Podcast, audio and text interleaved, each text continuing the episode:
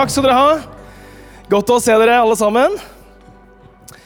Jeg heter Dale André Østby og er eh, kreativ pastor her i Filadelfia-kirken. Og er, eh, har gleden av å snakke eh, i dag i denne serien vi har begynt på, som vi har kalt for Sendt. Vi mennesker vi har jo alltid stilt oss spørsmålet hvorfor er vi egentlig her på jorda. Om vi tar et uh, lite blikk på oss selv og vårt eget liv, så er det jo lett å tro i hvert fall med første øyekast, at meningen med livet er at vi selv skal være lykkelige, og at de rundt oss skal være lykkelige. Men så vet vi, sikkert også av egen erfaring, at lykke er ikke alltid noe som holder i lengden. Derfor så tilbyr kristen tro oss noe som er større enn, høyere enn, dypere mening. Både vi kan være lykkelige og, ha det godt i dette livet, men først og fremst en dypere opplevelse av mening. En mening som kommer fra at vi kan forvalte de gavene og ressursene vi har fått, det vi har blitt gitt i livet. For kristen tro handler om at vi også er sendt. Jesus sa til sine disipler, som Faderen har sendt meg, så sender jeg dere. Og det er også hans budskap til oss. Derfor har vi kalt denne serien for Sendt. Og I løpet av fire søndager så skal vi se på at vi er sendt for å bygge samfunn. Vi er sendt for å dele tro. Vi er sendt for å spre godhet. Og i dag skal vi snakke om at vi er sendt for å be for mennesker. Men før vi snakker om det, så skal vi passende nok be sammen. Takk, å Gud, for at du er her, midt iblant oss, til stede. Der du er, der vet vi at alt kan skje, og vi kommer nå med forventning til hva du ønsker å gjøre, hva du ønsker å si, og gi oss åpne ører og åpne øyne, så vi kan fange hva du ønsker å tale til oss i dag. Gjør ditt ord levende for oss, og gi meg nåde til å snakke sant og rett og godt om deg. I Jesu Kristi navn, og alt folket sa. Amen. Gjennom denne talen og gjennom denne serien så ønsker jeg at jeg skal holde to tanker i hodet samtidig. Fordi vi kristne er kalt til å leve et liv i to forskjellige sfærer. Vi er både sendt, men så er vi også kalt til å leve i sfæren av å være samlet. Og samlet er vi her i kveld. Når vi samles til gudstjeneste, så kommer vi som ulike mennesker og utgjør til sammen Guds kropp, altså kirken på jorda. Så vi er samlet, og så er vi sendt. Det er det som skjer når vi går ut den døra om en liten stund og blir sendt ut med velsignelsen. Da er vi Jesu kropp der vi er i vår hverdag. Så det å samles er en naturlig del av det å leve et kristent liv. Og det å sendes er en konsekvens av at vi samles. For hvordan kan vi sendes hvis ikke vi først samles? Og Et fullverdig kristenliv leves ikke bare for oss selv, men for og med andre mennesker. Altså som Faderen har sendt meg, så sender jeg dere. Og så kan dere lure på Hva har dette her med bønn å gjøre? Jo, det skal jeg fortelle deg. Og jeg skal fortelle en historie. Som noen av dere kanskje vet, så skriver jeg musikk, skriver låter og reiser rundt i ulike deler av verden for å skrive med og for andre låtskrivere og artister. Og For tre år siden så var jeg på min første låtskrivertur til Nashville.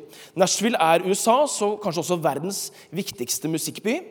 Tusenvis av mennesker flytter til Nashville, som også kalles for The Music City, hvert eneste år for å søke lykken i musikkbransjen som artister, som produsenter, som låtskrivere. Og jeg skrev med en produsent av en låtskriver som fortalte meg en historie som virkelig grep fatt i meg. Han fortalte at han for en liten stund siden hadde jobbet med en ung artist som hadde kommet til Nashville som så mange andre unge, lovende artister.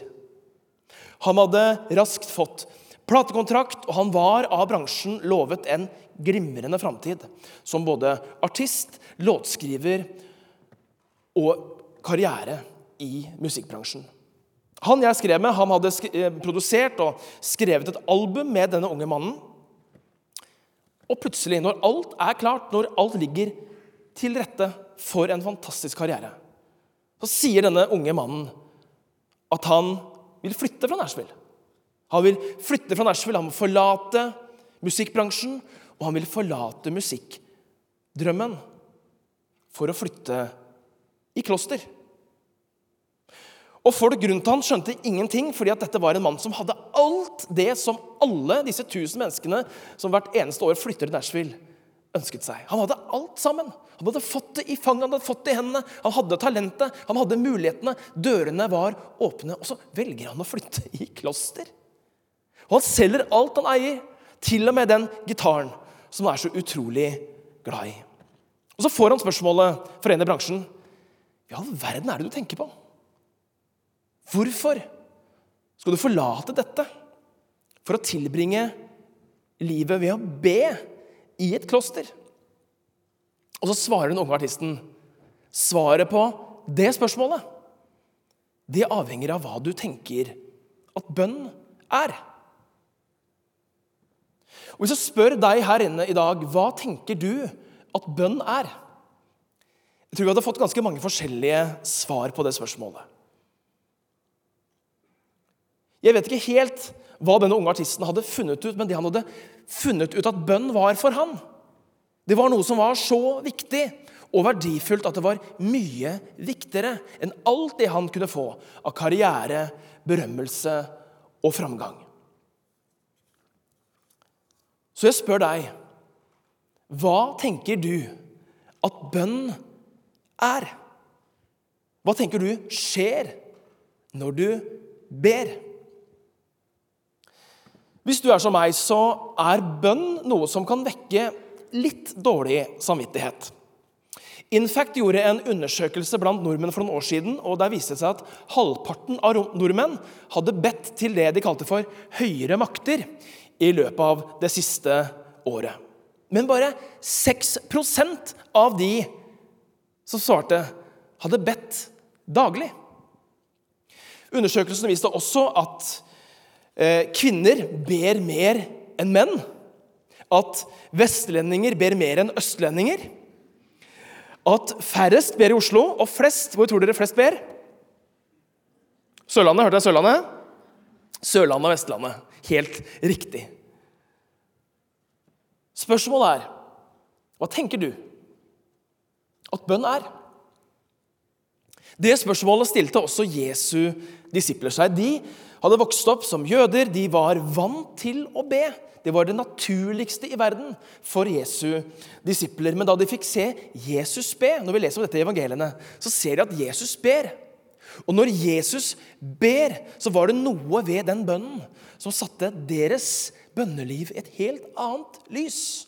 De så noe der i Jesu bønn som de ønsket å få tak på, og de sa, 'Herre, lær oss å be'. Og det forteller oss minst to ting. At nummer én Jesus ba annerledes. Nummer én, nummer én Jesus ba annerledes enn disiplene gjorde. Og nummer to det var noe ved Jesu bønn som gjorde disiplene litt misfornøyd med måten de ba på. Se for deg dette at du sitter i småfellesskapet, det har vært en koselig kveld, og dere har drukket kaffe og spist kjeks og snakket om de store tingene i livet og i troen. Og så kommer man til det punktet i kvelden der man skal be sammen.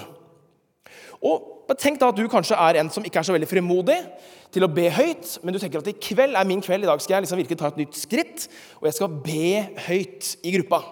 Det er et ganske stort skritt. Du begynner å be og ber en fin bønn, og når bønnen er ferdig og du sier amen, så kikker du rundt deg, og så ser du at alle sitter i sofaen og ser på deg og ler og sier Kalte du det der en bønn? Du bør lære deg å be. Hva hadde du følt da, hvis det var deg? Blitt glad? Mm. Kanskje blitt såra, antagelig blitt skuffa, antagelig aldri turt å be igjen. Det er jo ikke sånn at man sier til noen som ber at du bør lære deg, du bør gå på en bønneskole og virkelig få, få tak på det her, liksom. Nei.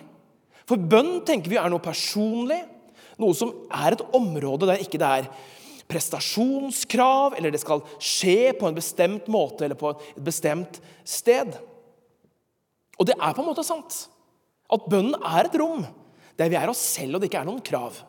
Men allikevel så ser vi i denne historien fra evangeliene at det var noe ved Jesu bønn som gjorde at disiplene tenkte dette må vi lære oss, dette må vi få tak i.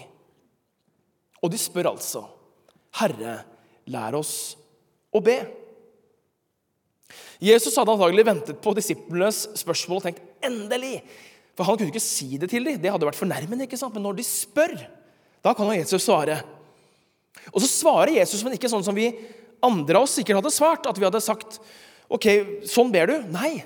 Jesus svarer ikke hvordan man skal be, men han svarer med hvordan man ikke skal be. Altså skikkelig Jesus-style, det her.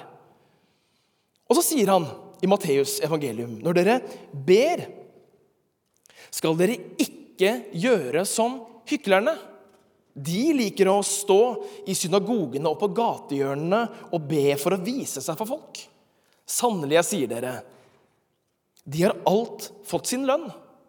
Men når du ber, skal du gå inn i rommet ditt og lukke døren og be til far, som er i det skjulte. Og din far, som ser i det skjulte, skal lønne deg. Vi er altså sendt til verden for å be for verden. Men så ber Jesus disiplene om å ikke stå på gatehjørnene og vise seg fram, men gå inn på rommet sitt, lukke døra og be der. Og så sier han i vers 7.: Når dere ber, skal dere ikke ramse opp ord slik som hedningene gjør. De tror de blir bønnhørt ved å bruke mange ord. Og skal jeg være ærlig, så hender jeg bruker ganske mange ord når jeg skal be. Jeg føler noen ganger at bønn jeg vet ikke hvordan det er med deg, men for meg er noen ganger bønn litt nok et sånn prestasjonsarena. Et sted der jeg, i hvert fall hvis jeg ber høyt, da, ønsker å være gjennomtenkt og velformulert. og liksom Gjerne få sånn mm, ja, mm, fra de andre jeg, som jeg ber sammen med. ikke sant? Og så tenker jeg noen ganger for å være helt ærlig, at jo finere bønner jeg ber, desto mer hører Gud den bønnen. Eller desto mer jeg gjentar budskapet, så hører Gud bønnen. Akkurat som Gud er en gullfisk som trenger at vi minner han om det vi akkurat har sagt for tre sekunder siden. Det er han jo heldigvis ikke. Jeg fikk høre her i formiddag en som kom og lurte på om jeg mente at Gud var en gullfisk. Det er han altså ikke. Det er ikke sånn bønn skal være, sier Jesus. Vær ikke lik dem, for dere har en far som vet hva dere trenger, før dere ber ham om det. Så hvorfor skal vi ikke vise oss fram på gatehjørnene, ramse opp mange ord og be velformulerte bønner?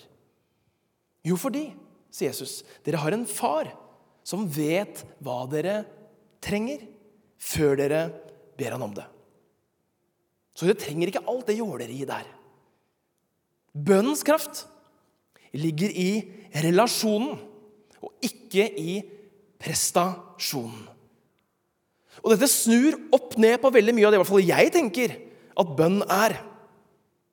At det handler om å gjøre noe av en viss mengde eller på en viss måte. Men det handler om hva du tenker at bønn er sier Jesus. Det handler ikke om hva du gjør, men hvem du er, og hvems du er. At du tilhører Gud, som er din far, og han ser hva du trenger. Det er i rammen av det skjulte, stille og den enkle relasjonen med ham som bønnen skal skje. Ikke form av en lang ønskeliste. Den ønskelista har Gud sett allerede. Ikke i form av en lang ønskeliste, men i form av en dyp relasjon med Han som allerede vet hva du trenger. Når Jesus skal lære disiplene å be, så sier han først alltid 'ikke skal gjøre'. Og så sier han at Gud egentlig har hørt bønnen før den er bedt. Og Da blir jo spørsmålet hvorfor i all verden skal vi be da? Og Jeg skal svare på det spørsmålet, men før jeg svarer på det spørsmålet, så skal jeg svare på et annet spørsmål som du kanskje sitter med akkurat nå. For det er kanskje noen som lurer på hvis vi har en far i himmelen som vet hva vi trenger, før vi ber om det, hvorfor får vi ikke da alltid det vi ber om? Ifølge pastor og forfatter Tim Keller så svarer Gud alle bønner. Men kanskje ikke helt sånn som du og jeg hadde tenkt. Han sier, 'Gud svarer alltid dine bønner nøyaktig slik som du skulle ønske at de ble besvart.' Og så fortsetter han. Dersom du visste alt han visste. Kellers poeng er altså at vi ikke alltid vet hva vi skal be om, og at Gud som vår far vet bedre hva vi trenger, enn vi selv gjør. Jeg har tre gutter, og det hender daglig at de kommer til meg med ulike bønner eller spørsmål om ting de kan få gjøre, eller ting de kan få. Tenker dere at jeg ville blitt en bedre pappa dersom jeg alltid sa ja? Ja. Takk, Hanne. Det ville jeg sikkert blitt. De hadde i hvert fall syntes jeg hadde blitt en mye bedre pappa. Tenker dere at jeg hadde blitt en bedre pappa ved å alltid si ja? Nei. For jeg vet jo mer enn de vet. Og Derfor så vet jeg at du kan ikke drikke Red Bull klokka ti om kvelden, for da får du ikke sove. Og Det er veldig gøy å døgne hver helg, men gjør du det, så er det kanskje gøy i øyeblikket, men ikke så gøy når du skal opp mandag morgen. Det å være forelder handler jo om å se litt lenger og vite litt mer. Så jeg sier til barna mine at 'jeg vet litt mer enn deg', og derfor sier jeg iblant nei.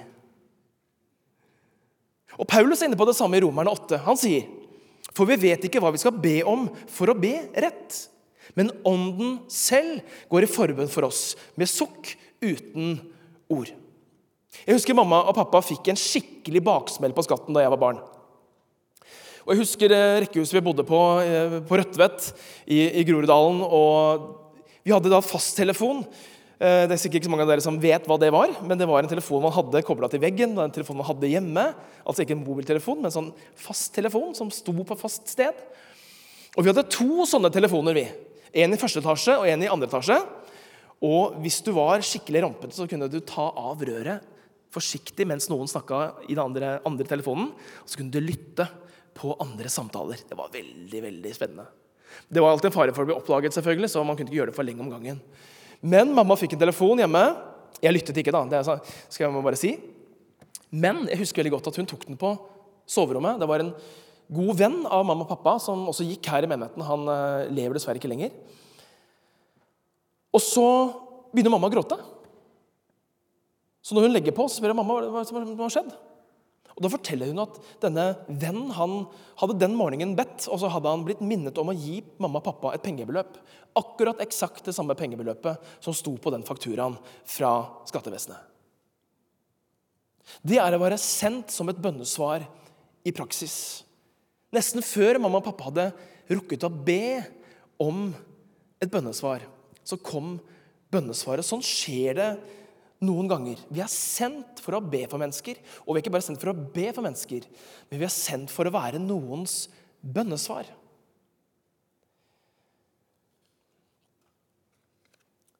Så vi kan ha tillit til at Gud ser våre behov, fordi han er en far som vet hva vi trenger, og vet hva vi trenger før vi ber han om det. Det betyr at det er ikke en bønn Gud ikke allerede har hørt. Det er ikke et behov Gud ikke allerede vet om. Det er ikke et problem Gud ikke allerede kjenner til. Og skal vi være ærlige, så er det vel sånn at når vi ber, så, i hvert fall for meg, da, så ber jeg i hvert fall 95% om mine egne behov ofte. Utrolig selvopptatt. Betyr det at ikke vi skal be om våre egne behov lenger? Jo, selvfølgelig skal vi be om våre egne behov. Men Gud har allerede hørt de bønnene, sier Jesus. Og når du ber de bønnene, så kan du vite at du trenger ikke å imponere eller smigre eller sjarmere Gud for at han skal høre deg noe mer. Nei, han har allerede hørt deg. Våre bønner har en høyere hensikt enn at vi skal få det vi ønsker oss, sier Jesus. Så disiplene de ber Jesus om å lære dem å be, og han gir dem en rekke sånn Sånn skal du ikke gjøre. Og så fortsetter han. men slik skal dere be. Og når Jesus skal svare på hvordan de skal be, så gir han dem en bønn. En bønn som vi allerede har lest eller bedt sammen i denne gudstjenesten, Vår Far. Og den begynner Vår Far i himmelen. Allerede her, i den første linja, så etableres fokus, og fokus vendes vekk fra oss og vårt behov til hvem han er. Og far, det er en relasjonell betegnelse. Og Vi kan legge ulike ting i begrepet far. Det er ikke alle som har vokst opp med en far, som kanskje har vært så mye til stede, eller ikke engang har vært en veldig god far. Jeg har vokst opp med en far som har vært en god far, og jeg kan relatere til at Gud også er en god far. Men her sitter vi med ulike erfaringer. Men Jesus ber oss altså om å begynne i relasjonen at han er vår far.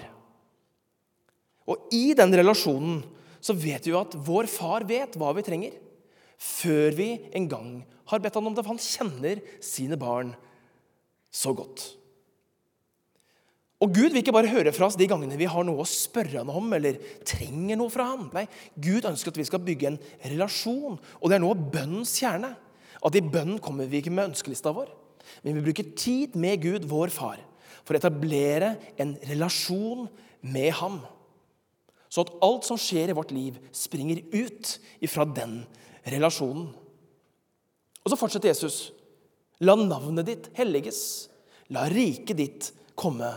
La viljen din skje på jorden slik som i himmelen. Vi er alle et rike, noe vi bygger. Og vi har alle en vilje, noe vi ønsker skal skje. Noe vi ønsker å få til.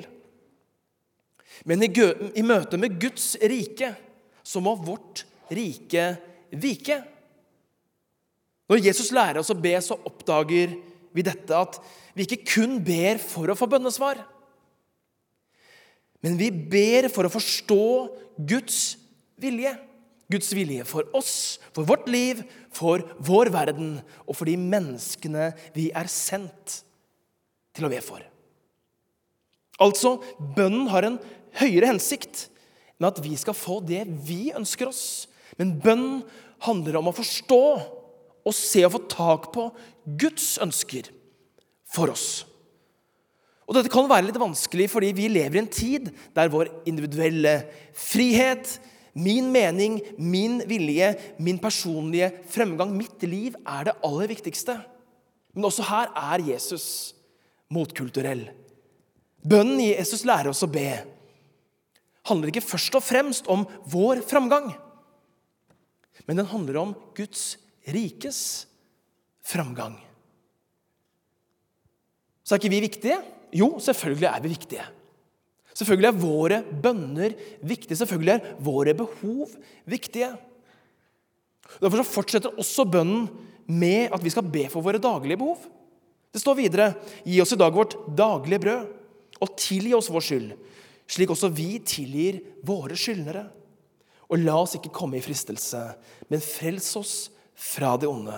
For riket er ditt, og makten og æren i evighet. Amen. Det springer ut av relasjonen med Jesus, han som vet hva vi trenger. Det handler om å forstå og se Guds virkelighet gjennom bønnen. Så hva er det Jesus lærer oss at bønn er? At ikke vi først og fremst skal tvinge igjennom vår egen vilje, men å overgi oss til Guds vilje for oss. Eller som Dietrich Bonhoffer har sagt når vi helhjertet trer inn i Kristi bønn, ber vi rett. Bonhoffer var en tysk-luthersk prest. Han ble fengslet av nazistene under den andre verdenskrig og dømt i en hasterettssak. Han ble dømt for høyforræderi, og han ble henrettet dagen etter. Og Bonhoffer han etterlater seg en mengde skrifter, bønner, tekster, bøker, og i en av hans bønner så står det Å Gud, tidlig om morgenen roper jeg til deg. Hjelp meg å be og konsentrere mine tanker om deg. Jeg kan ikke gjøre dette alene, for i meg er det mørke, men hos deg er det lys. Jeg er ensom, men du forlater meg ikke. Mitt hjerte er svakt, men hos deg er det håp. Jeg er urolig, men hos deg er det fred. Det finnes bitterhet hos meg, men hos deg er det tålmodighet. Jeg forstår ikke dine veier, men du kjenner veien for meg.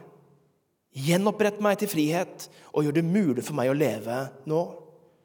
At jeg må stå til ansvar for deg og for mennesker. Herre, uansett hva denne dagen vil bringe, må ditt navn prises. Ikke lenge etterpå så ble han altså henrettet. Vi er sendt til verden for å be for mennesker. Og når vi ber, hva er det som skjer? Jeg skal avslutte med å gi dere to punkter for hva jeg tror skjer når vi ber. Det første er at vi kan be bønner som beveger Gud. Det er eksempler i Bibelen på at Gud hører menneskers bønner og tilsynelatende endrer mening. F.eks. gikk profeten Jonah til byen Nineve med et domsbudskap at Gud ville utsette byen, men de omvendte seg. Og Da står det at Gud han endret mening. Han sparte byen. For han fikk medfølelse med de menneskene som omvendte seg og søkte hans vilje. Jakobs brev snakker om at bønnen er virksom. Det står 'bekjenn da syndene for hverandre og be for hverandre', så dere kan bli helbredet. Et rettferdig menneskes bønn er virksom og utretter mye. Det er altså noen bønner vi ber, som får Gud til å handle, og handle på våre vegne, og handle på vegne av de menneskene som vi ber for. Han hører vår bønn og beveger seg i retning av de tingene vi ber om. Og når vi kommer til ham som hans barn, så gir han oss de tingene vi ber om i tråd med det han vet er best for oss. Det andre formen for bønnesvar det er bønner som beveger oss. Dette er bønner som i våre menneskelige øyne er ubesvarte bønner. De besvares iallfall ikke på den måten vi kanskje hadde sett for oss og tenkt. Men de bønnene de gjør noe med oss i prosessen, selv om ikke svaret alltid er sånn som vi hadde trodd. Det er en bønn som beveger oss. Så vi kan være med på det Gud gjør, og leve livene våre etter hans vilje. Ikke bare be Gud om å velsigne de prosjektene vi driver med, men faktisk kobler oss på det han allerede gjør. Og Når vi ber for oss selv og for menneskene i vår verden, så vil vi gjennom bønnen se verden i et annet perspektiv.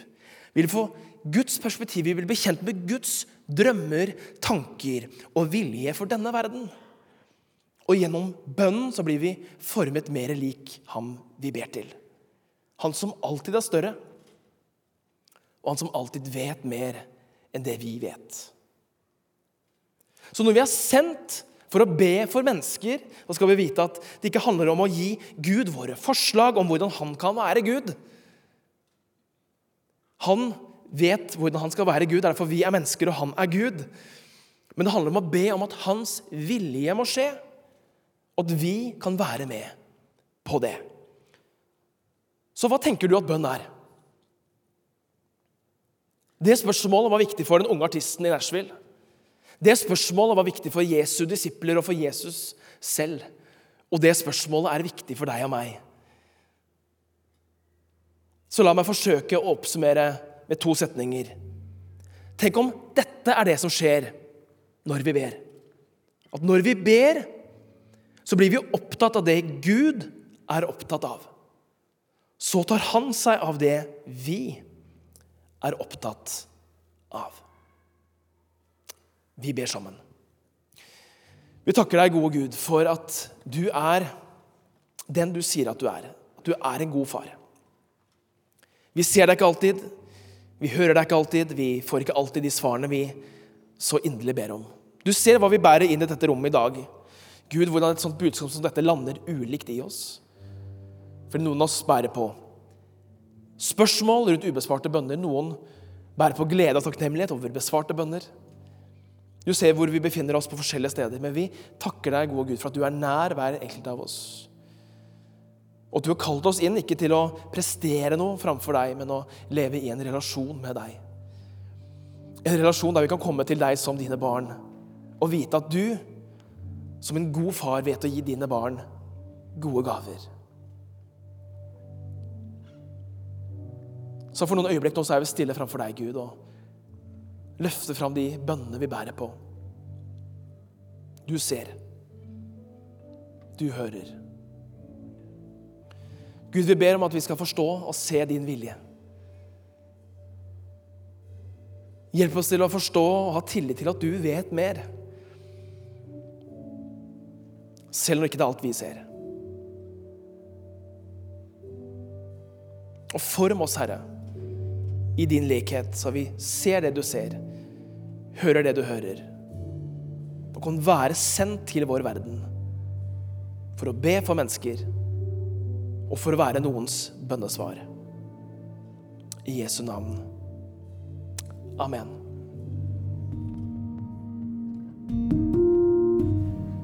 Du har nå hørt en podkast fra Filadelfia-kirken i Oslo. Vil du vite mer om oss, gå inn på filadelfia.no. Og ikke minst velkommen til å feire gudstjenester med oss hver eneste søndag, enten fysisk eller online.